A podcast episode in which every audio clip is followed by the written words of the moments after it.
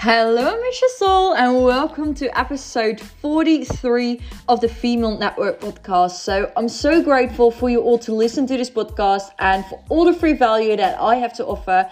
I would appreciate it if you could share a screenshot of this podcast on your social media or give me a review on the channel that you're listening to. That means the world to me.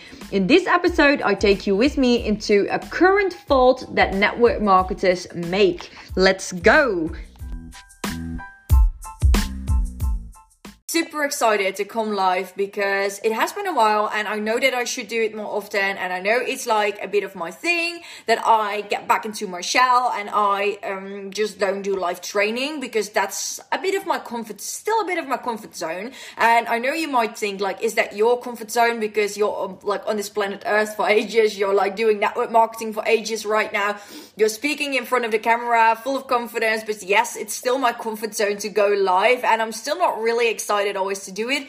But right now, I was thinking about something and I had the feeling that I needed to share this because what I see a lot in network marketing, and this is a thing that please stay this down for yourself and start working on this.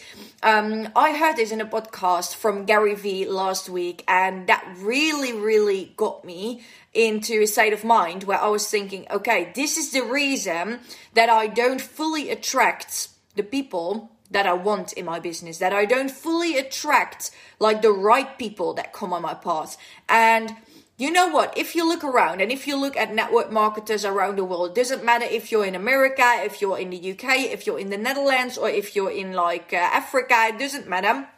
If you run your network marketing business around yourself, you will not have massive success.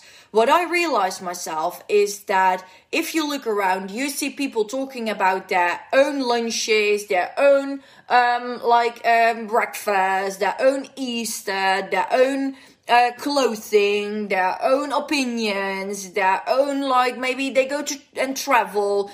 You see them talking about other stuff a lot. And then I realized myself that I have always been talking about myself, my success, because I thought that that was something what people wanted to see, that that was something what people got attracted to, you know, in network marketing, like people outside uh, outside network marketing. But that isn't the case. The industry where we're in right now has been changed. It has been changed from posting social media posts with beautiful bikinis, with um, having like the beautiful destinations, with the filters over it. Um, I don't know what kind of filters, but with every single filter of it to make it more prettier, has gone through a real world where we actually post what we do, who we are, but that actually has changed to a world where we need to bring value to the table to attract people. So if you look at your Facebook and if you look at your Instagram, Twitter, TikTok, it doesn't matter where you built your network marketing business on. If you look at it right now and start investigating this after this live training, go grab a look at it and see what you have posted within the past what would we say? Month within the past month.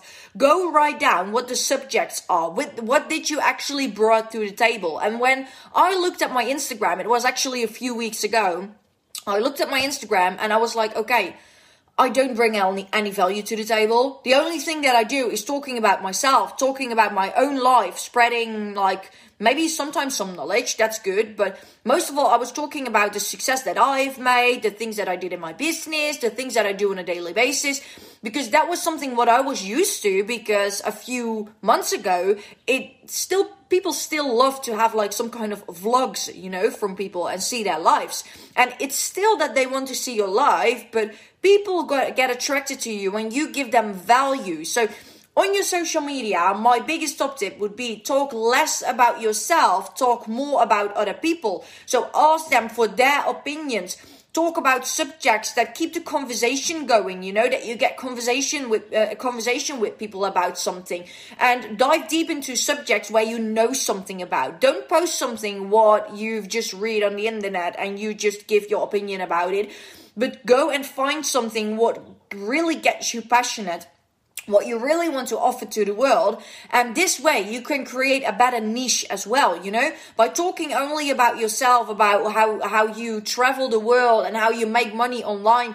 That's not how you're going to attract people because that's what everybody does these days. Everybody is a digital entrepreneur. How you get people attracted to you is, for example, what I do right now. I get other network marketers attracted probably to this life because people who are not in network marketing they would be thinking what do i do in this life? What what what is this value? You know this is not for me. But i get attract i get network marketers attracted to me and this is what i want basically because i'm like profile like myself as a network marketing coach. So i get network marketers attracted to me because i sp- spill out like network marketing knowledge you know tips tricks information. So if I only talk about myself, the success that I've made, people get tired and sick of seeing that all day long and you talking about yourself. So it's really important that you actually, if you make a story and you talk about how you have a beautiful day, you're in the sun right now. I just made a story, by the way, where I just was in the sun. And then I turned the conversation around like, okay,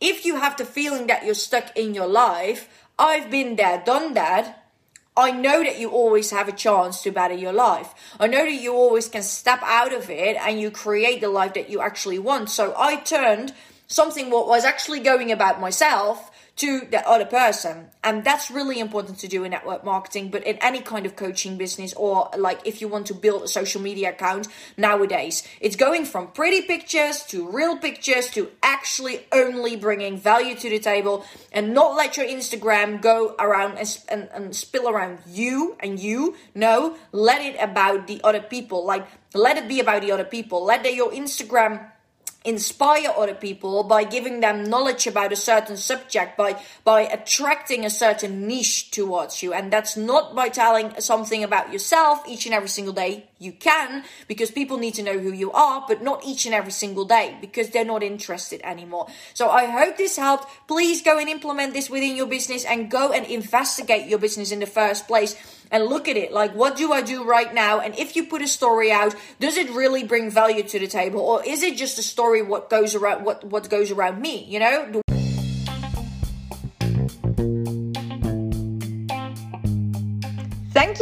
much for listening to episode 43 of the Female Network podcast. For all the free value that I have to offer, I would appreciate it if you could share screenshots of this podcast on your social media, or you can give me a review on a channel you've been listening to. That means the world to me. If you've got any questions or you want to get into contact with me, don't hesitate to pop me a message on social media at the Female Network Academy or at Ilse Bakewater. I hope you enjoyed this as much as I did, and I'm looking forward to that next one.